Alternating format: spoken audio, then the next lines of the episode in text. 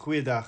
Parasha 22 Vayakehel bymekaar laat kom en Parasha 23 Pekudei berekening nommer 2. In die gedeeltes wat ons saam bestudeer die week sien ons hoe die kinders van Israel saam gewerk het om die tabernakel te bou. So in Eksodus 38 vers 1 staan, hy het ook die brandofferaltaar van akasia hout gemaak. 5L was sy lengte en 5L sy breedte. Vierkantig en 3L sy hoogte. Nou, hierdie is die bronsaltaar. Nou as jy die heiligdom van Abba Vader, die tabernakel ingegaan het, deur die ingang wat genoem was the way, was die eerste ding wat jy gekry het of die eerste instrument wat jy gekry het, die bronsaltaar. Dis hier waar die offers gebring is vir Abba Vader om verzoening te doen vir hulle sondes. Nou altare was lank voor Moses deur Noag, Abraham, Isak en Jakob ook gebou en gebruik. Altaar kom van die Hebreëse term wat beteken place of slaughter or sacrifice. En voor Moses was die altaar gebou van klippe, maar wat Vader sê vir Moses presies hoe om 'n altaar te bou en dit was die eerste ding wat jy gesien het as jy die tabernakel ingestap het. Want dit het jou dadelik herinner dat jy nie waardig was om op 'n Vader te nader sonder om eers 'n bloedoffer te bring vir jou sondes nie. Jy kan Abba Vader net nader op sy protokol. Abba Vader sê egter presies vir Moses hoe om die bronsaltaar te bou. En in Eksodus 27 vers 1 tot 8 staan en en staan dit duidelik en baie interessant. Dan verduidelik dit ook hierdie vier hoeke van die bronsaltaar wat Moses uitgegiet het, hierdie vier horings wat uitgegiet moes word volgens Abba Vader se instruksies. En dan sien ons in Eksodus 38 vers 2 en hy Bazalel die hierdie afgevaarde die in in wie Abba Vader se asem geblaas het en vir hom die wysheid en die kennis gegee het hoe om dit te doen. Daar staan Eksodus 38 vers 2 en hy Basilel het sy horings op die vier hoeke gemaak. Sy horings was daarmee saam uit een stuk en hy het dit met koper oorgetrek. Met ander woorde Basilel het die bronsaltaar en sy horings presies gemaak soos wat Abba Vader vir Moses gesê het. Soos jy die tabernakel instap en jy sien hierdie brons altaar, dan sien jy hierdie brons altaar het hierdie vier horings wat uitgaan. Horings in Hebreëus is die woordjie tehen wat beteken authority, strength and power. Lukas 1 vers 68 tot 69 sê: "Geloof sy die Here, die God van Israel, omdat hy sy volk besoek het en vir hulle verlossing teweeggebring het en 'n horing van heil vir ons opgerig het in die huis van Dawid." Met ander woorde, die vier horings op die vier hoeke verteenwoordig die krag van die prys wat betaal is. Die krag van die prys wat betaal is het op lewe het, het lewe gebring of oordeel teen die onregverdiges. En in 1 Konings net voor Dawid te sterwe kom weens 'n dodelike gesondheidssituasie, besluit Dawid se seun Adonai van Dawid se vrou Hagit dat dit logies is en tradisioneel is dat hy die volgende koning gaan wees volgens sy sommetjies en volgens tradisie. Adonai maak homself te reg daarvoor en reël toe 'n groot banket ter viering van sy komende kroning as koning. Let wel, Adonai was nooit in opstand teen Dawid of hy het homself nooit as koning verklaar nie, maar slegs as die afwagtende prins.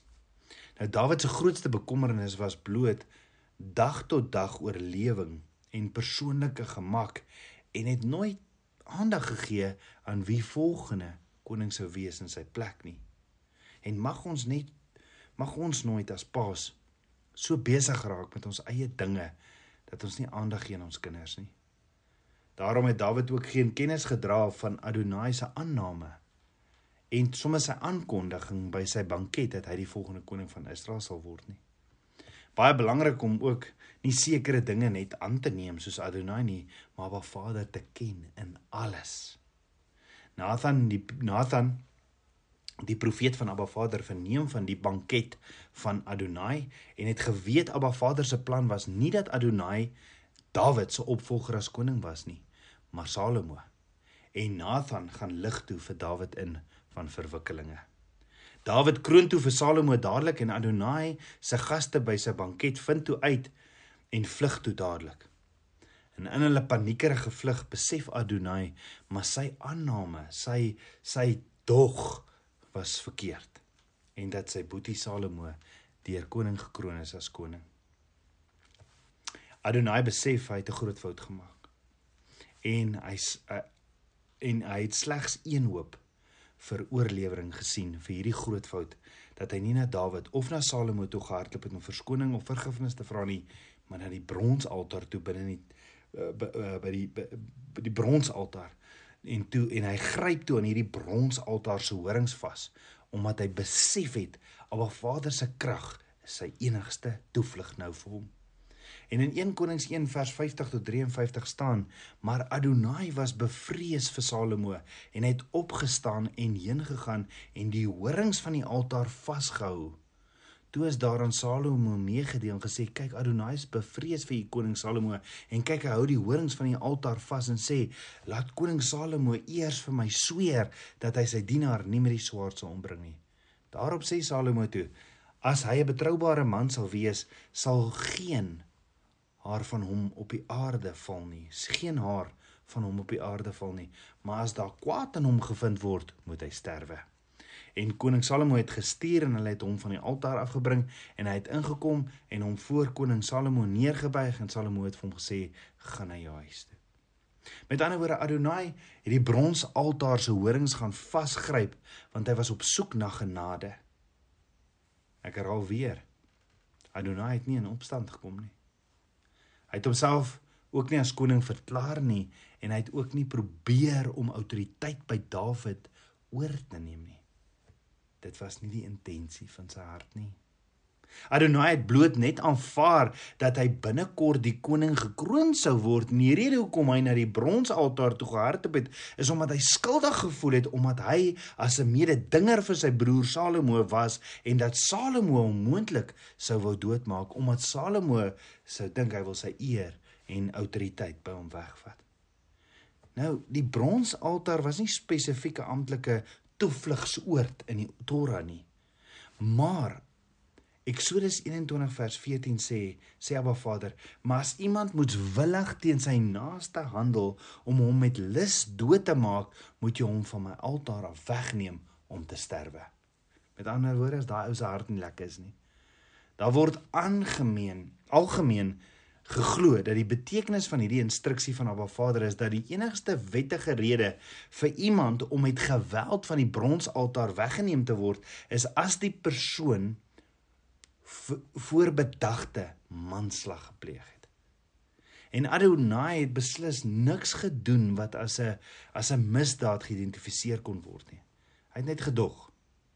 Daar word toe aan Salomo die nuwe koning gesê dat Adonai by die bronsaltaar staan en vashou aan die horings en dat hy weier om om pad te gee as hy nie genade in die oë van die koning ontvang het nie. So Salomo se eerste taak as koning was om hierdie saak van sy mededinger te hanteer, sy broer. Maar in Adonai se soeke na genade in sy versoek wat op 'n dringende en emosionele manier gerig word, sê Adonai hy erken Salomo as koning en dat hy die koning se dienaar is. Adonai het vergifnis gesoek vir sy verkeerlike aanname en daarom gee hy dadelik erkenning aan Salomo se gesag. Koning Salomo antwoord Adonai toe deur hom op die proef te stel. Die voorwaardes was dat solank hy lojaal teenoor Salomo gebly het, hy hom geen skade sou berokken het nie. En toe Adonai hierdie voorwaardelike voorwaardelike kwytstelling ontvang, het hy na die paleis toe gegaan en voor Salomo neergebuig en homself oorgegee as 'n ongetwyfelde diensknegt. Salomo het Adonai egter verras deur hom vreedsaam huis toe te stuur. Maar hoor gou-gou 'n hoofstuk later in 1 Konings 2 lees ons hoe 'n ou met die naam Joab ook met baie vrees na die bronsaltaar toe hardloop en soos Adonai ook die horings van hierdie bronsaltaar gaan vasgryp vir genade. En hulle gaan toe na Salomo toe en sê toe vir hom dat Joab by die bronsaltaar staan vir genade en Salomo onthou wat sy pa Dawid hom beveel het in 1 Konings 2 vers 2 tot 5 waar Dawid aan Salomo sê: "Wees dan sterk en word 'n man en onderhou onderhou die orderinge van die Here jou God deur te wandel in sy weë deur sy insettinge, sy gebooie en sy verordeninge en sy getuienisse te onderhou, soos geskrywe is in die wet van Moses, sodat jy voorspoedig kan uitvoer alles wat jy doen en alles waartoe jy jou begewe, sodat die Here sy woord mag vervul wat hy oor my gespreek het, naamlik as jou seuns ag gee op hulle weg deur voor my aangesig getrou te wandel met hulle hele hart en met hulle hele siel, dan sal daar nie vir jou 'n man op die troon van Israel ontbreek nie. Dan hoor gehou. Wat beveel Dawid vir Salomo verder in vers 5 tot 6? En jy weet ook self wat Joab my aangedoen het. Wat hy er die twee leer owerstes van Israel, Abner en Amasa aangedoen het hoe hy hulle vermoor en oorlogsbloed in vredestyd gegiet het sodat hy die gord wat om sy heupe en die skoene wat aan sy voete was met oorlogsbloed bevlek het handel dan nou na jou wysheid en handel dan nou handel dan na jou wysheid en sy grys hare moet jy nie met vrede in die doderyk laat neerdal nie. Met ander woorde Dawid sê vir Salomo, moenie dat Joab vir jou vrede sterf nie, want hy het oorlogsbloed in vredestyd vergiet. Joab was op 'n vader se woord teenstrydig en hy is doodgemaak omdat hy mense moetswillig moetswilliglik met lus doodgemaak het. En Abba Vader sê so man kan jy van die altaar wegneem om te laat sterwe. Jy sien die bronsaltaar verteenwoordig die kruis en hoe dat een langs Yeshua aan die kruis het die paradys gesien die ander een nie. Die bronsaltaar verteenwoordig die kruis en net so gaan die kruis vir jou of lewe gee of dit gaan vir jou dood gee. Omdat die krag van die prys wat betaal is bring of lewe of oordeel teen die onregverdiges. En Openbaring 12 vers 11 sê en hulle het hom die vyand oorwin deur die bloed van die lam en deur die woord van hulle getuienis. Met ander woorde die kruis, hierdie prys wat Yeshua betaal het op Golgotha, gaan lewe bring of dit gaan oordeel bring as jy nie in Yeshua glo en volgens Abba Vader se instruksies wandel nie. So die vraag is, hoe hou ons vas aan die krag van verlossing? Hoe hou ek en jy vas aan hierdie krag van Yeshua? Aan hierdie autoriteit van Yeshua? Sal dit oordeel wees teen jou of dit gaan dit vir jou lewe gee? Daar was tussen 1.6 tot 3 miljoen Israeliete wat om die tabernakel gebly het en hoeveel het werklik die tabernakel ingegaan? Die woord sê baie sal wil, min sal kan. Breed is die weg wat lei na die verderf en baie loop daarop. En dan sê Sagaria 12 vers 10 en hulle sal opsien na my vir wie hulle deurboor het en hulle sal oor hom rou klaag soos 'n mens rou klaag oor 'n enigste seun en bitterlik oor hom ween soos 'n mens bitterlik ween oor 'n eersgeborene kind. Maar die wat in regverdigheid geklee is, sal met hom wees wanneer hy kom as die shofar blaas. Openbaring 19 En dan sê 2 Korintiërs 2 vers 14 tot 16: Maar God, sy dank wat ons altyd laat triomfeer in Christus en wat die reuk van sy kennis deur ons oral versprei. Want ons is aangename geur van Christus tot eer van God onder die wat gered word en onder die wat verlore gaan vir die laaste 'n reuk van die dood tot die dood, maar vir die eerste 'n reuk van die lewe tot die lewe en wees tot hierdie dinge bekwam. Jy sien Appa Vader verander nie. Hy is dieselfde gister, vandag, ook in ewigheid. So die bronsaltare is waar die offers gebring is deur die priesters en dis die prentjie van die houtkruis.